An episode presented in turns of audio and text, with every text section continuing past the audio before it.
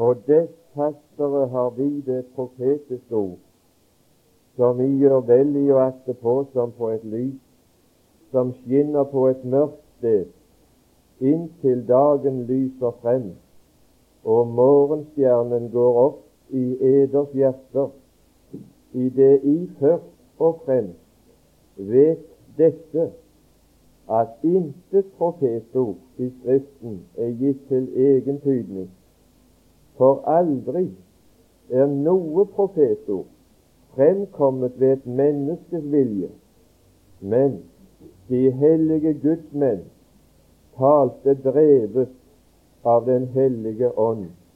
Amen. Herre Jesus,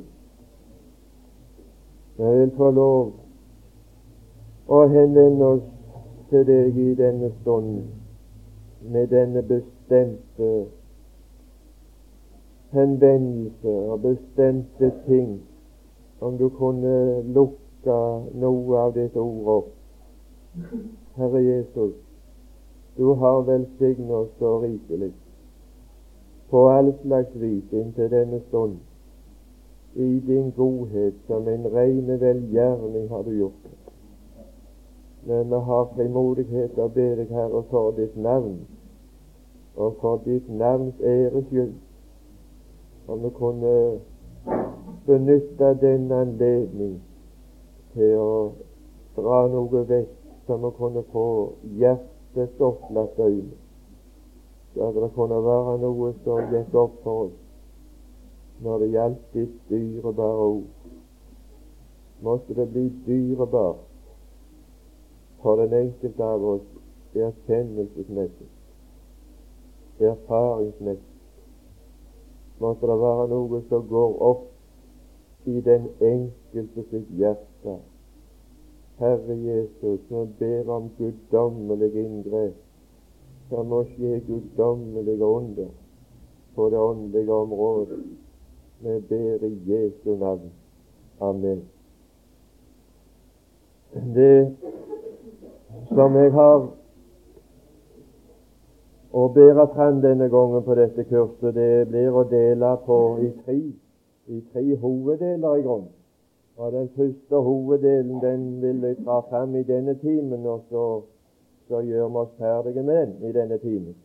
Og det er det profetiske ord. Og i eh, noen timer fra ettermiddag av så vil jeg da dra fram noen av, oppfyll, av de oppfylte profetier i det profetiske ord. Og så vil det til slutt få den tredje gruppa av de uoppfylte profetier. Og når jeg eh, bestemte meg for å være villig til å bære fram det emnet på dette kurs. Og skulle begynne å arbeide det ut i detaljer, så fant jeg ut at jeg hadde tatt vann over hodet, og at det var verre å, å, å komme gjennom det. Så det var mye som måtte dette av underveis. Så det vil bli temmelig enkelt. Og, men jeg tror for mitt vedkommende så har jeg knapt nok lest Bibelen som har vært så interessant for meg som under denne synsvinkel. Så hvis du gjør samme erfaring som meg, så blir det vanskelig å klare å vente fra time til time. Det var så spennende, og det var så interessant å arbeide med hvorledes man det, og hvorledes man det neste trekk blir, at jeg visste ikke å holde meg jeg visste ikke å klare å rive meg løs ifra det.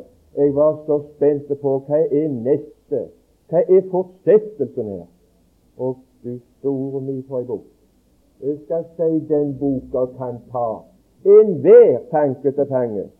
Mye mer enn jeg har anledning til i våre dager. Jeg glemmer ut ting som jeg burde ha huska. For han tar enhver tanke til fange. Du blir fengsla og det er det at det går ikke an å være bare åndelige i denne verden som vi lever i i dag. Du er pukka nødt til å rive deg ut av det, så står med begge beina på jorda. For det er ting i forretning som jeg ikke har lov til å glemme, eller så, eller er det folk som står oppå en. Jeg må huske det. Og så må jeg være lydig imot det òg. Men jeg må si det, det var vanskelig å rive seg løs når det gjaldt disse, disse tingene. Og aldri noen gang har det vært noe i Guds ord som har vært så nærende som det der til å gi tillit til, til, til dette profetiske ord. Men eh, nok om det. Jeg har lyst i denne timen å benytte de minuttene som står til rådighet, og, og ikke si noen ord, men å gjøre oppmerksom på noen ord i Bibelen i forbindelse med det profetiske ord. Det profetiske ord, dess fastere har vi det profetiske ord. Jeg har lyst å gjøre oppmerksom på noe i forbindelse med det profetiske ord. Først, som den første ting, profet. Hva er det for noe? Profet etter Bibelens språkbruk anvendelse av ordet profet, hva er det? Og Da vil jeg dra fram svar fra Bibelen. Og en profet, det er en mann, eller en kvinne for så vidt, eller en person, som taler ifra Gud og til mennesker. Det er hva en profet er. Og i Efeserbrevet, det fjerde kapittel og det ellevte vers,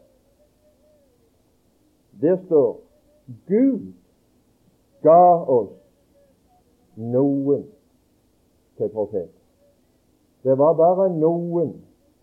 Det har aldri vært noen mangfoldighet av profeter i denne verden. Men det var noen.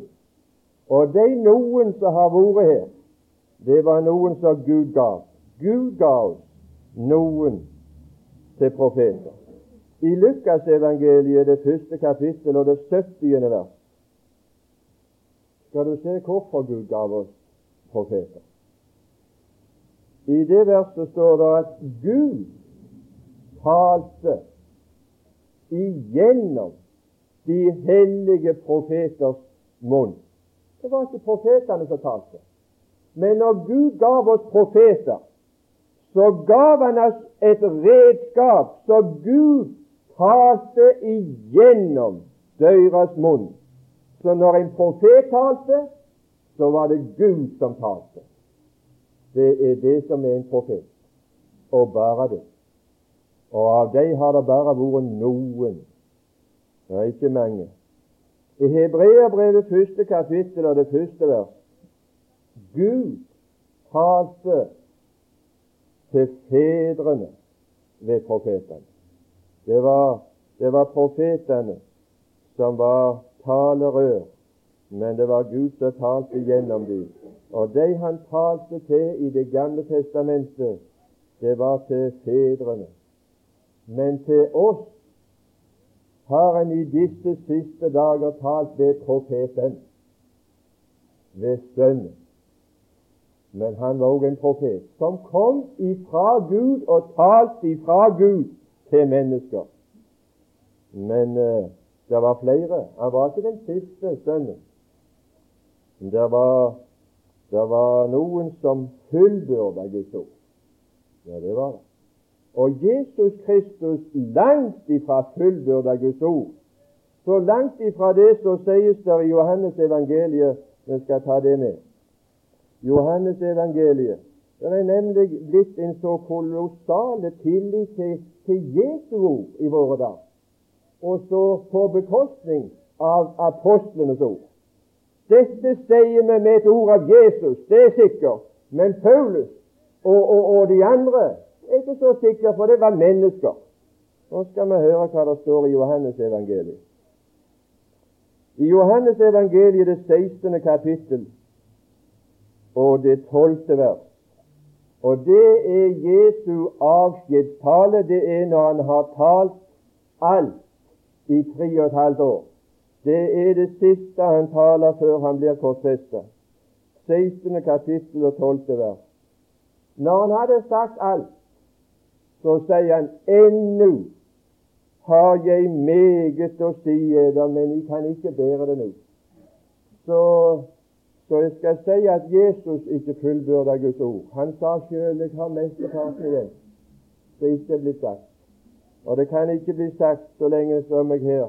Men når sannhetens ånd, Den hellige ånd, kommer til denne verden, da skal Han veilede eder til hele sannheten.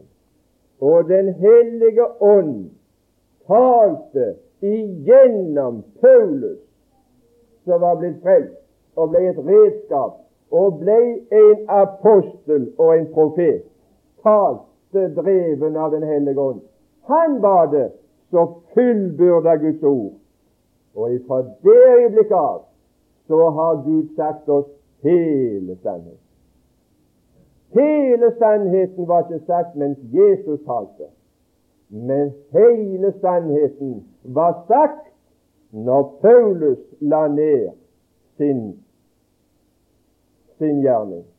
Så hadde han fullbyrda Guds ord, og vi, vi skal ta det verset hvor det står. Kolossenserbrevet, det første kapittel og det 25. vers. Det måtte være underlig den den første gangen når Guds ord begynte, når Gud begynte å tale til fedrene. Men det var, det var også svært når Gud talte for siste gang. Og når han talte for siste gang ved apostelen Paulus. Antagelig var det, så, var det profeten Jobb så var den første som Gud talte igjennom. Så langt som mennesker kjenner, det er Jobbs bok den eldste bok i Bibelen. Og han er dermed den første profet som Gud gav, og som Gud talte igjennom. Men apostelen Paulus han fikk den tjeneste, står det i Kolossenserbrev 1.25, og fullbyrde Guds ord. Det var hans oppgave og hans oppdrag. Og når han var ferdig, så har vi ikke profeter lenger så er vi snaue for det. Så gir ikke Gud profeter lenger, han gir ikke apostler lenger. Han har nemlig ikke bruk for dem. Om noen nå gir seg ut for å være en apostel, så er han en falsk apostel. Om noen nå gir seg ut for å være en profet, så er han en falsk profet. For Gud har ikke bruk for profeter lenger. For han har talt, og han talte sitt siste ord ved profeten og apostelen Paulus. Han fullbyrda. Ifra den dagen av har Gud vært tause. Tause. Og det står nå et ord som jeg skal begrunne det med, som jeg nå har sagt. Efeserbrevet, det andre kapittel og det 20. vers. Og det verset der, det har gjort meg til å være immune for mottagelighet fra alle som gir seg ut for å være profeter og apostler i våre dager. Jeg er ikke tilhører. Jeg er ikke med. Jeg lar meg ikke beruse om det høres aldri så fint ut, om det høres aldri så bibelsk ut og kristelig ut. Jeg lar meg ikke beruse. Jeg vil ikke høre på det. Fordi det står at menigheten den er bygd opp på apostlenes og profeten, eller på grunnvollen og, og apostlene og profetene de er blitt lagt ned i grunnvollen. Og det er på det som Gud har talt, jeg bygger, og ikke på det Han skal tale. Vi bygger, og vi har grunnlagt vår tro på det Gud har talt, og Han har talt sitt fullbyrda og avsluttet ord og jeg venter ingen nye åpenbarelser fra Gud, og ingen nye ord fra Gud. Han har talt sitt siste ord gjennom apostelen Paulus. Han fullbyrda, og Gud har vært taus etterpå.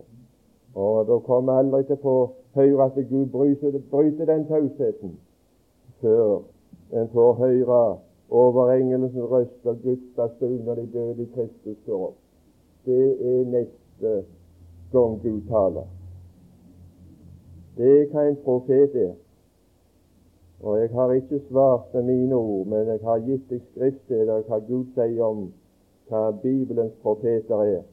Så har jeg lyst til å bare stanse for hva profetiske ord er. Nå vet vi hva en profet er, og nå skal vi stanse for hva profetiske ord er. Profetiske ord, det er ufeilbarlige ord helt og holdent ufeilbarlige ord. Det er bare profeter som har ufeilbarlige ord. Men de er ufeilbarlige fordi det er Guds ord, fordi det er Gud som taler gjennom, så må det være ufeilbarlig. Og vi skal ta noen vers for det. Vi kan lese det vi leste her. Det er Guds ord. Med.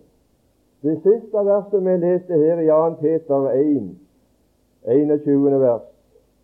Å, det er et viktig ord i den verset der. For aldri, aldri har det forekommet, aldri har noe profetord fremkommet av et menneskes vilje. Aldri. Når en profet talte, så talte han dreven av Gud. Det hendte aldri at han talte av sine egne meninger og egne tanker.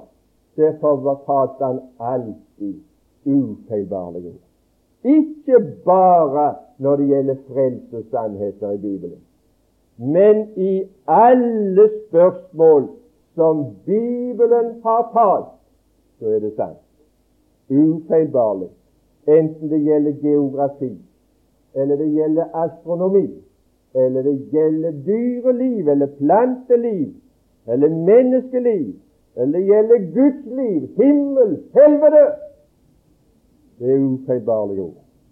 Det har aldri forekommet at noe profetord er fremkommet av et menneskes vilje. Men alle profetord de er ufeilbarlige i alle spørsmål. Du kan gjennomlyse dem, og de er ufeilbarlige. Du kan sette alle slags prøver på dem, de er ufeilbarlige. Hvem kan overbevise meg om synd, sa Jesus. Hvem kan overbevise Bibelen om feil? Ufeilbarlige ord. Det er noe det å ha tillit til. Det er noe å bli næra til å ete for mennesker som bekjenner seg til tro. Ja, det var det vi hadde noe som hørte som var sømmelig i går kveld. Så sømmer seg for Guds frykt. Det var derfor vi her skulle også ha bibelkurs. Titusbrev, vi kan ta det med før vi går videre her nå. Første kapittel i Titus og første vers. Titus 1.1. Paulus, Guds tjener og Jesu Kristi apostel. Hensikten til å føre Guds utvalgte til tro. Og du store min, hvor jeg ønsker om det kunne være mulig at det kunne være et redskap som kunne være med å føre Guds utvalgte i denne forsamling til tro. Det er så mange i våre dager som fører oss til vantro og tvil og skepsis usikkerhet, utrygghet. Men en, men en Jesu Kristi apostel som her, og en gudstjener, det hadde den hensikt å føre Guds utvalgte til tro og til å kjenne den sannhet som hører til Guds frykt. Jo, jeg skal si at her har vi noe som er ufeilbarlig. Her er det noe som er troverdig. Og her er det noe som du kommer til troen på ved å lære det å kjenne. Ja, jeg var en gang på et møte, ikke kristelig, men uh, verslig. Ja, ikke ugudelig, men det var et alminnelig verslig møte, et forretningsmøte. Det var et møte for forretningsfolk fra Påfra, og det var for mange år siden. Det kom et kvinnfolk reisende. En konsulent ble hun kalt ut for, som reiste for en såpefabrikk. Og så skulle, hun prøve å overbevise forretningsfolk om at de var noe de var noen dårer og, og dumrianer som, som lå tilbake i tida fordi de ikke var begynt å selge det verkemidlet. De hadde ikke tro på det verkemidlet der. De var ikke, de var ikke begynt å selge det. Og så trodde de ikke på det. Men jeg skal si det mennesket som var kommet der som en konsulent, visste hva hun snakket om. Og hun fortalte og beskrev og demonstrerte dette verkemidlet på en sådan måte at de som satt i forsamlingen, de, de, de, de, forsto sjøl vi er noen dårer og dumrianer som ikke går inn for det, for det er fenomenalt. Og hennes tro på det såpemiddelet, det var fordi hun kjente det. Så var hun så begeistra for det. Å, og det var, det var når Staloret visst kom, og de som vet å bruke det der, de vet hva, hva slags revolusjonerende virkning det hadde. Og de som satt i forsamling, de fikk tro på det der med å lære å kjenne det. Og jeg skal si, når de, når de begynte å praktisere det sjøl, så skal jeg si Å, du verden, det var ikke tvil. Ja, ja, det var nå bare et svakt bilde. Men her er det noe så, så du får tro på når du lærer å kjenne det. Og skepsis når det gjelder Bibelen, har bare grunn i at du kjenner ikke. De som kjenner deg, de stoler på deg. Det er det som er. Det er ikke farlig med bibelanalyse og bibelkritikk. Og Bibelen er ikke redd for det. Bibelen kan de bare kjøre løs.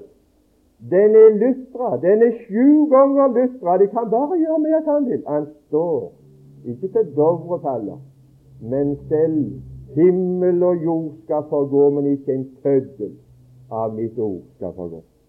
Oh, la de bare reise storm. Bibelen i storm, sier jeg. Og langt ifra. Det er ikke fare her. Det er ikke her det er fare, men det er fare de som bestormer denne festen. For dem er det fare. Å, at ikke du må bli revet med av det ragnarokket og den magstrøm som begynner å kritisere denne bok. Gud i himmelen gi at du bekjenner deg til Guds frykt og har den sømmelighet at du lar den boka kritisere deg og dømme deg. Må du ikke bli stor på storhetstanker om deg sjøl og heve deg opp til en dommer over Bibelen, som er Guds ufeilbarlige ord, profetisk ord. Jeg vil si et par ord om et annet uttrykk som vi finner i Bibelen, for nå har ikke vi hørbare profetiske ord. Ikke finnes det en profet i hele verden. Ikke om du reiste verden rundt, så fant du noen profet. Og om du reiste på alle verdens møter, så vil du aldri få høre et profetisk ord i våre dager. Aldri ett får du høre. Det finnes ikke. Det siste gang denne jord hørte et profetisk ord, det var når de fullbyrda Guds ord. Det var siste gangen. Det var hørbart. Men i stedet for å ha hørbare profeter, så har vi noe som heter profetiske skrifter. Ja, det har vi. Ah, Romerbrevet, det 16. kapittel. Romerbrevet, det 16. kapittel og det 26. vers. Og det er ingen kvalitetsforringelse mellom hørbare profetiske ord og så profetiske skrifter. Så jeg misunner ikke de som fikk høre apostelen Paulus. Jeg har det like godt som kan sitte og lese. men de har Så du trenger ikke misunne deg. Og var det mulig for apostelen Paulus å rive en forsamling med med sin muntlige tale så at han drog sin tale til langt utpå natta, og han holdt på til morgen, så skal jeg fortelle deg at det er mer mulig, og det skjer oftere i våre dager, at apostelen Paulus river enkeltmennesker med ved sin tale til da det langt utpå natta til sol og gry. Og jeg skal si det hender oftere nå enn det var når han var her. Og det hender ved de profetiske skrifter. Det 26. vers i Romerbrevet 16. Men nu Og du store, men nu er det ikke kommet frem for lyset ved profetiske ord, men nu er det kommet frem for lyset ved profetiske skrifter, efter den Guds befaling, kunngjort for alle folk for å virke troens lydighet, Han den ene vise Gud, ved Jesus Kristus, være æren i all evighet. Profetiske skrifter. Således er de blitt til? Ja, Det er et emne som de har det travelt med, de som går på universitetet. Jeg fikk se lærebøkene. Så de må gjennomgå og lese og studere og kunne utenat for å kunne ta teologisk embetseksamen på Universitetet i Oslo. Jeg har en venn som har tatt eksamen der og fått sett de bøkene. De fant ikke bok på norsk der på universitetet, men de har reist ei svensk. Og den boka heter 'Bibelens tilblivelse'. Og hvis jeg, hvis jeg ville bli mørkeredd, hvis jeg ville hvis jeg ville tape troen, så skulle jeg bare nære meg med den sorten. Det var så underlig. Jeg begynte å forstå noe som jeg hørte at professor Hallesby en av de siste gangene han var på turné og var i Åkra kirke og hadde innsamling til menighetsfakultetet, så sa han før kollekten det er en tale som jeg holder for studentene hver, for hvert kull som jeg tar opp. Og I den talen så har jeg to punkter, sa det første punktet det jeg sier til de studentene Jeg håper det at alle dere som nå skal begynne det teologiske studium, at dere har evig liv og er frelst. Men det, det er langt derifra, sa han, at alle var frelste noen gang. Det kom noe kull inn som jeg var vitne til. Men det var ikke visst, at ikke alle var frelst. Men så sa jeg det som andre punkt. Så håper jeg det at dere som har livet Gud, ikke skal miste det under dette teologiske studium. For det hender så altfor ofte at vi taper troen mens vi går her. Og når jeg leste den boka, og når jeg har lest de bøkene så ungdommen vår i Norge er nødt til å lese og pugge og kunne utenat for å få embetseksamener, så er det ikke underlig at tilstanden er slik at det er så lite av tro. For det er djevelens bøker, og det er djevelens professorbøker i utleggelse av har Gud virkelig sagt. Det begynte han med til Adam og Eva, og han har hatt en kjempemessig utvikling i det å så tvil i at Gud har sagt. Men jeg skal, jeg skal si at Gud har sagt. For det er ingen tvil i om at Gud har talt. Og her skal du få høre noe som er tilblitt. Ikke Bibelens tilblivelse, sånn som de lærer på Universitetet i Oslo. Langt ifra. Men de, de, de hellige skrifter står de er tilblitt profetiske skrifter. De er tilblitt ved etter befaling av den evige Gud. Du store er sånn er det Sånn er det greiene at min bibel er blitt til. De profetiske skrifter i denne bok de er blitt til etter befaling av den evige Gud. Bare pass deg med meg. Bare pass deg å bli en tilhenger av deg, så regner med at Bibelen er tilblitt på noen annen måte. Det vil jeg advare imot. Dere er ansvar. Dere er større ansvar enn noen av oss aner. Nei, den hele Skrift, sier Paulus, og Det var ikke nå først at de sier at det er bare deler av Bibelen som er innblåst av Gud, men Paulus sa den hele Skrift, i motsetning til de som sier at det er deler av den. Den hele Skrift er innblåst av Gud. Ikke ordene. Det er ikke ordinspirasjon vi snakker om nå. Det var det når de talte. Da talte de ordinspirert og talte ufeilbarlige ord. Men nå er det Skriften som inspirerer. Selve nedskrivningen, selve Skriften, er innblest av Gud. Oh, her er snakk om tøddel, ikke om ord, inspirasjon, men om tøddel. Ikke en tøddel, ikke prikken over i-en skal forgå. Å, tødlene har større betydning på gresk og hebraisk enn det har på norsk.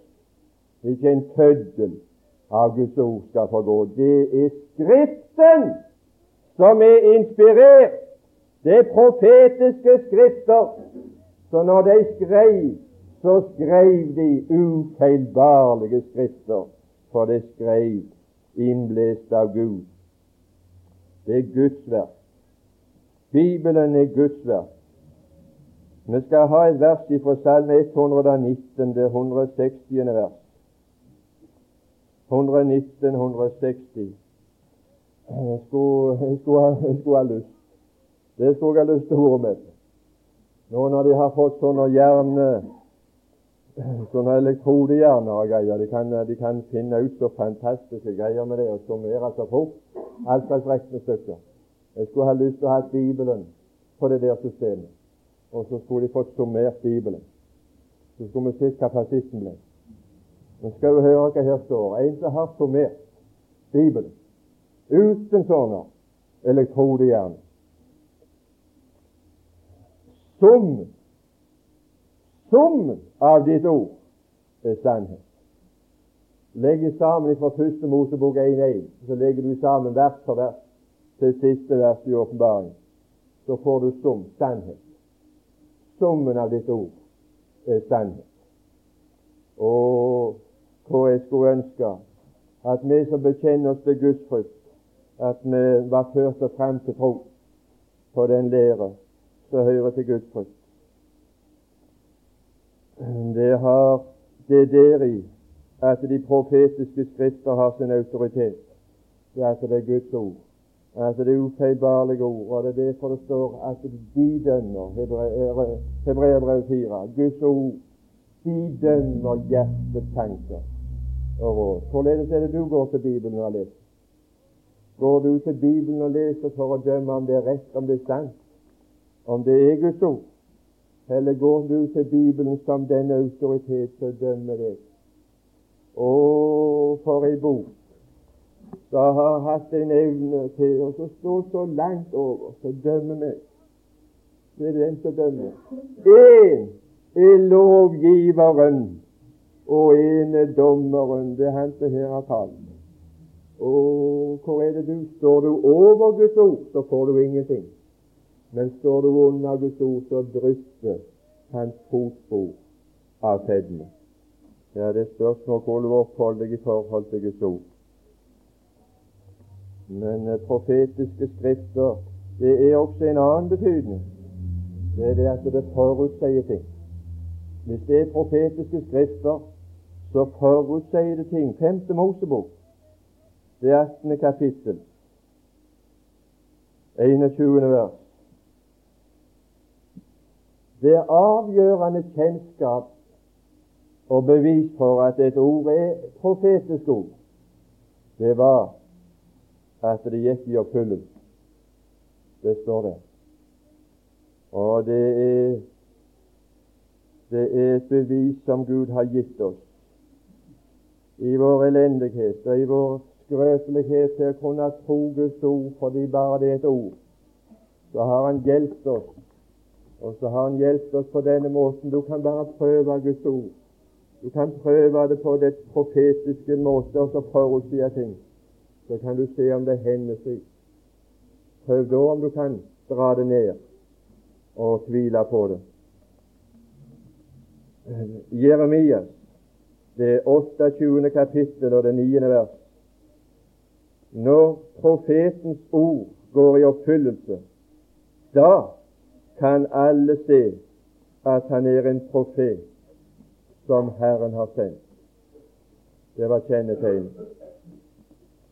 Men nå vil jeg gjøre deg oppmerksom på noe underlig, og som skal forklare noe av forholdene også i våre dager. Noe forunderlig. Hva slags mottagelse fikk sånne profeter i denne verden? Hva slags mottagelse fikk disse profetene når de talte? Og hva slags mottagelse fikk profetiske skrifter i denne verden når de skrev? Apostlenes gjerninger, det sjuende kapittel, i Stefanus' tale, i det 52. vers, stiller Stefanus et spørsmål til de israelittiske menn. Hvem av profetene har eders fedre ikke forfulgt? Jeg spør hvem? Hvem av profetene så talte ufeilbarlige ord? Og hvem av profetene så skrev profetiske skrifter, ble ikke forfulgt? Hvorfor fikk de den behandling i denne verden? Jeg skal svare med et annet Guds ord. Johannes evangeliet, det åttende kapittel, 45. vers.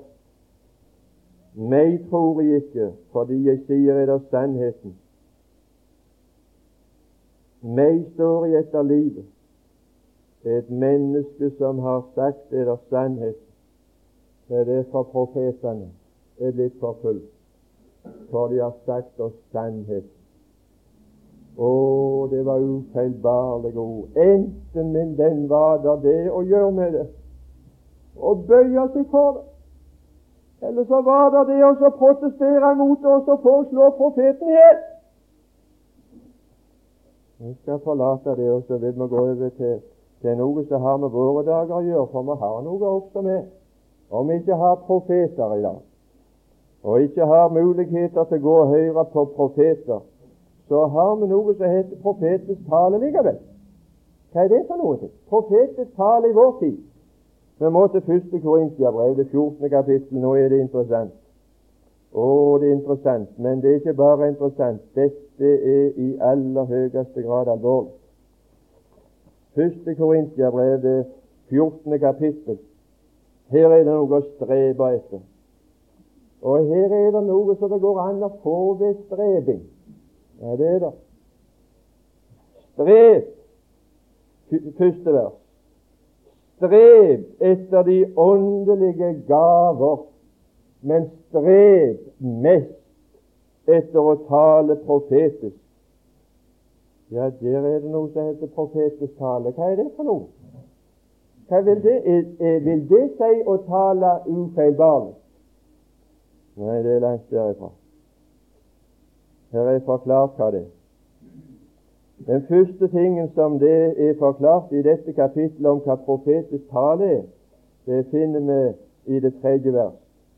Profetisk, Den som taler profetisk, taler for mennesker. Det er den første tingen jeg får rede på hva profetisk tale i våre dager er. Det er for mennesker. Jeg har tung med opplysning om det. Ja, for det var snakk i Det gamle testet om profetisk tale som fremkom ved profetisk henrykkelse. Men det var for Gud. Når, når disse profetene, disse som begynte, fikk en profetisk tale i 1. Samuel 10 f.eks., og 1. Samuel 19, så fikk de en profetisk henrykkelse og talte for Gud. Og hvis du er i henrykkelse, så taler du ikke for mennesker. Men strev etter å tale profetisk så henvender seg til mennesker. Så en taler fra Gud til mennesker. Skal du se hva det er til? Det er ikke bare til mennesker, men det er en bestemt slags mennesker. Det er ikke til hvem som helst. I det, i det 22. vers her i det 14. kapittel står det den profetiske tale, derimot, er ikke for vantro, men for de troende. Og er det to slags tale? Jeg skal si det, der er det. Profetisk tale i våre dager er ikke for vantro, men det er bare for de troende. Og så står det noe mer hva profetisk tale er i vers 3. Profetisk tale til de troende, det er til oppbyggelse. Enten er talen til de troende profetisk og dermed til oppbyggelse. Og er han ikke til oppbyggelse, så er han ikke profetisk. Profetisk tale er til troende til oppbyggelse. Det var det vi hørte i går kveld, som Aurebekk la oss på hjertet. Til oppbyggelse. Jeg skal si at det er nødvendig med tale for å kunne bli oppbygd. 2. Korintiabrev, det tiende kapittel og det åttende vers, den som taler profetisk til de troende. Hvis han taler profetisk, så er han av Gud gitt makt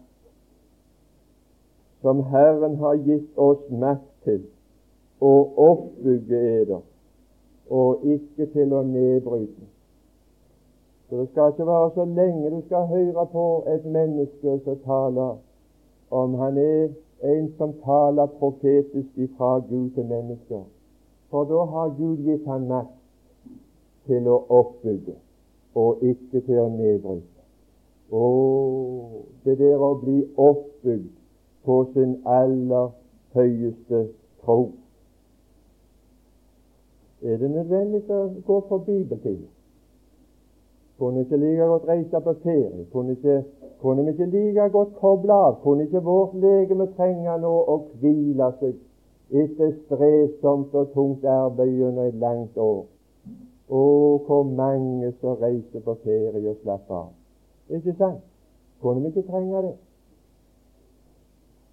Trenger ikke legemet den oppbyggelse som vi kunne få ved et liv i naturen, og ved å sole oss og ved å bade, og som legene legger så sterkt på hjertet. Vi må bygge opp vårt legeme som er sterke til å bære tårer vinteren.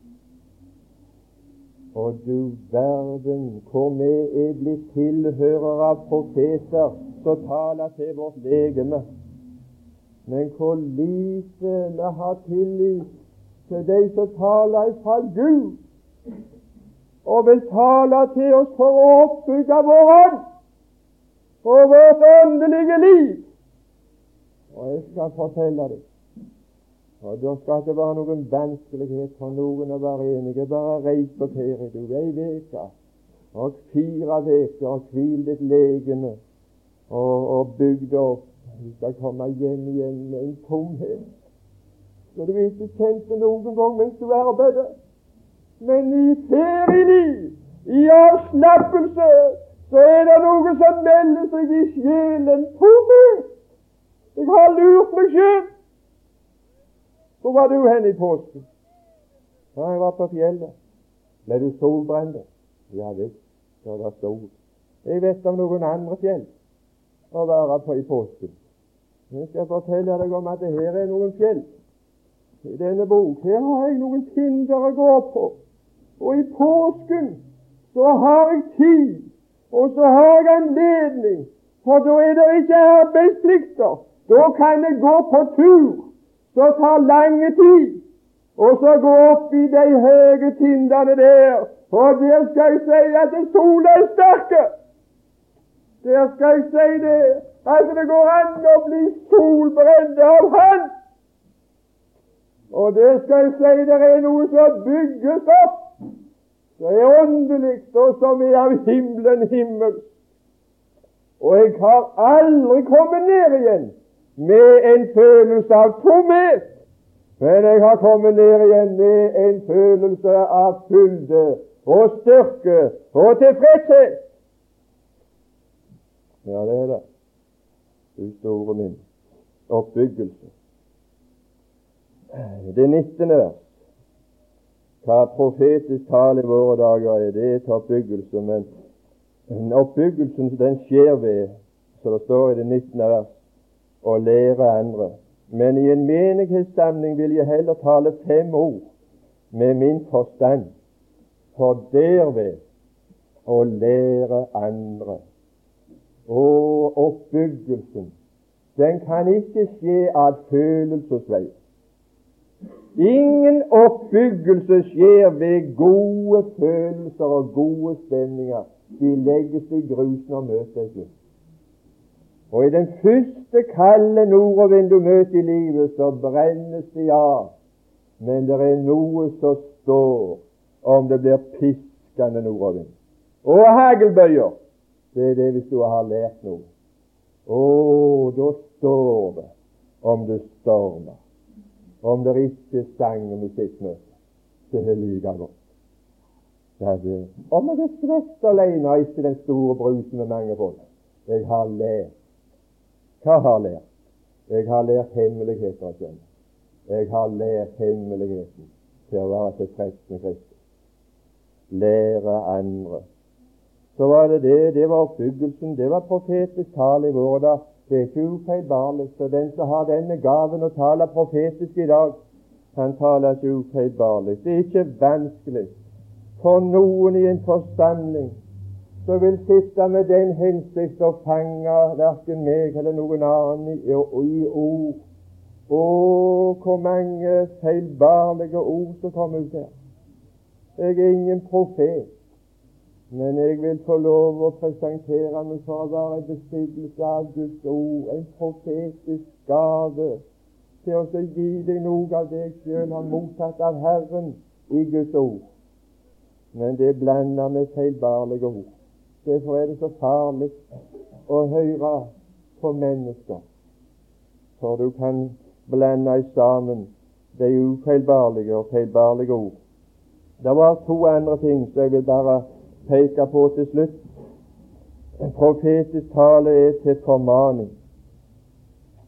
Til formaning, bl.a. apostlenes gjerninger, det 20. kapittel og det 31. vers. Det er mange som har holdt opp der. Men jeg holdt ikke opp. Her var det en som hadde profetisk tale. Og Den som hadde profetisk tale, den kjentes ved at det var formaning i talen. Og er det ikke formaning i talen til de troende, så er det ikke profetisk tale. Da kan du, så kan du analysere det du hører. Og jeg holdt ikke opp, verken dag eller natt, å formane hver eneste en av eder med tårer. Nei, nå er han blitt så logisk. Nå er han blitt så pien, og nå er han blitt så forsiktig med nåden at nå er det ikke hvem som helst som får. Nå er det blitt en lovforkynner, og nå er det åndelig trelldom han fører folk inn i. Nå er det en farlig påvirkning han gjør. De som begynte i, i, i ånd, skal de fullbyrde i kjøtt. Nå begynner han å bli farlig. Nå er det bare formaninger. Nå er det bare livet det gjelder. Jeg skal si det det det gjelder. Det er bare det det gjelder for de troende. Og ingen annen ting. Det gjelder ikke om å få liv for de som har liv, men det gjelder om å ta vare på det liv som du har fått. For det må det formaning til. Og be den far og be den mor som ikke formaner de barn som de har gitt liv, Å Gud i himmelen, for en time vi kommer inn i. Hvor mange som har holdt opp med å formane livet! Men det er profetisk tale. Det er formaning. Og jeg skal si det med tårer. Det er ikke alltid Det har aldri Jeg har aldri visst hva det var før jeg hørte det sjøl tenkt på det. Men jeg er en dag nå for sent måtte ta guttungen min kraftig alvorlig. Og måtte gi han en herlig omgang med juling, så var det jeg som skrek mest.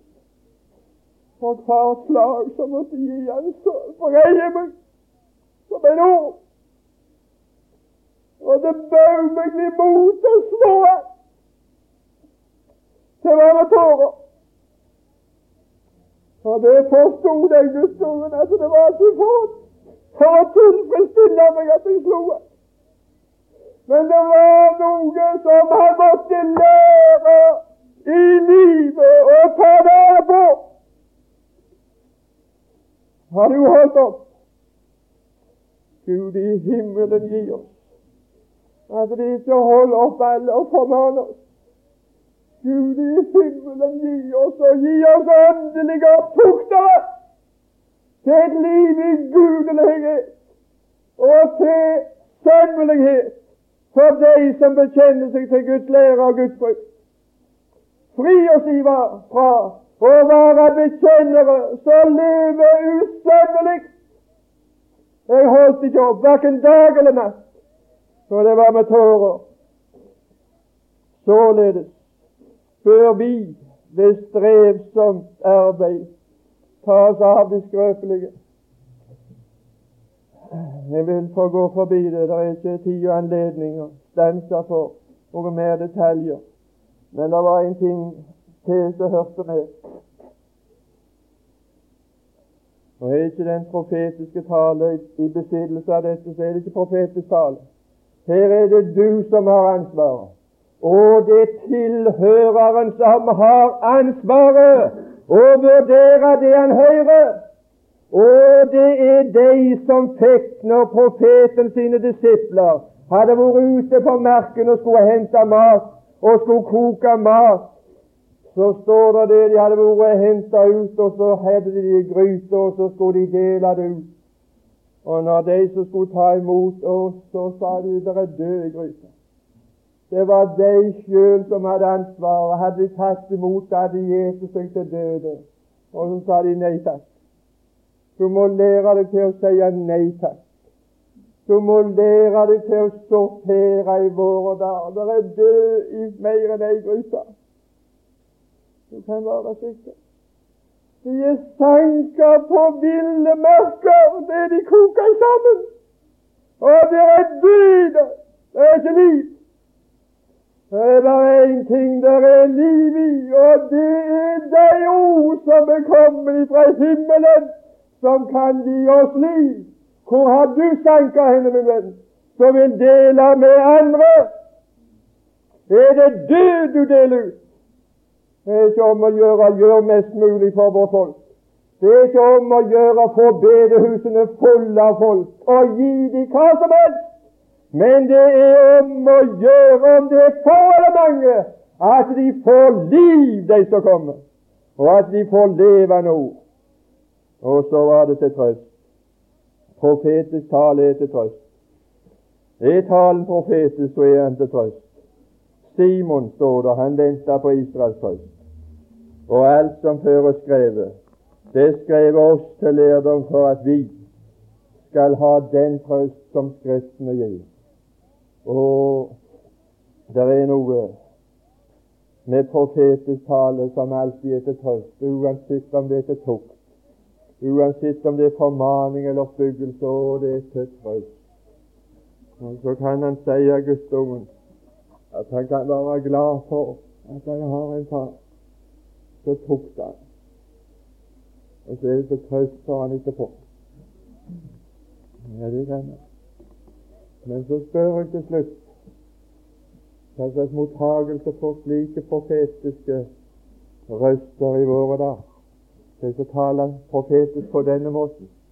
De som taler profetisk til de troende med, med til oppbyggelse, til formaning og til trøst. Hvem av de blir ikke forfulgt? Har de forfulgt meg, sa Jesus, så skal de forfølge eder.